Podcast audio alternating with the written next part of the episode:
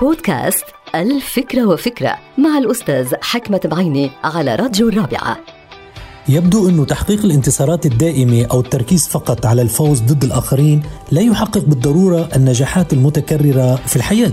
أولا ليس هناك ضمانات أكيدة بأنه أنت ستنتصر كل مرة ولو تمكنت من التخطيط والتدريب والتركيز 100% ثانيا ليس هناك ضمانات أيضا أنه المنافسة هي لصالحك في كل مرة أو أنه منافسك أضعف منك أو أقل حظا منك مهما حاولت أنه تركز على انتصاراتك الدائمة ضده. وهذا لا يعني طبعا أنه أنا أدعو الناس أنه ما يخططوا أو يركزوا أو يقوموا بواجباتهم قبل المنافسة لتحقيق الانتصارات ولكن أنه تصبح أنت مهووس بالتخطيط والتدريب لتحقيق تلك الانتصارات. فهذا أمر خطير وأخطر ما فيه هو التشويش الناتج عن هذا الهوس الفكري الدائم لتحقيق الانتصارات. أضف إلى ذلك مخاطر هذا الهوس على الاستقرار النفسي والشخصي والعائلي. النصيحة المنطقية هو أنه تخطط من دون هوس وتستعد من دون انفعال وتنافس من دون جنون.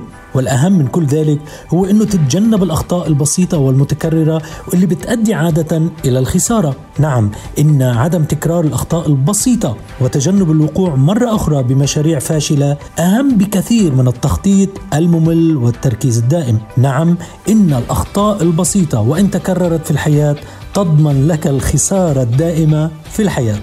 انتهت الفكرة. هذه الحلقة مقتبسة من كتاب الفكرة وفكرة.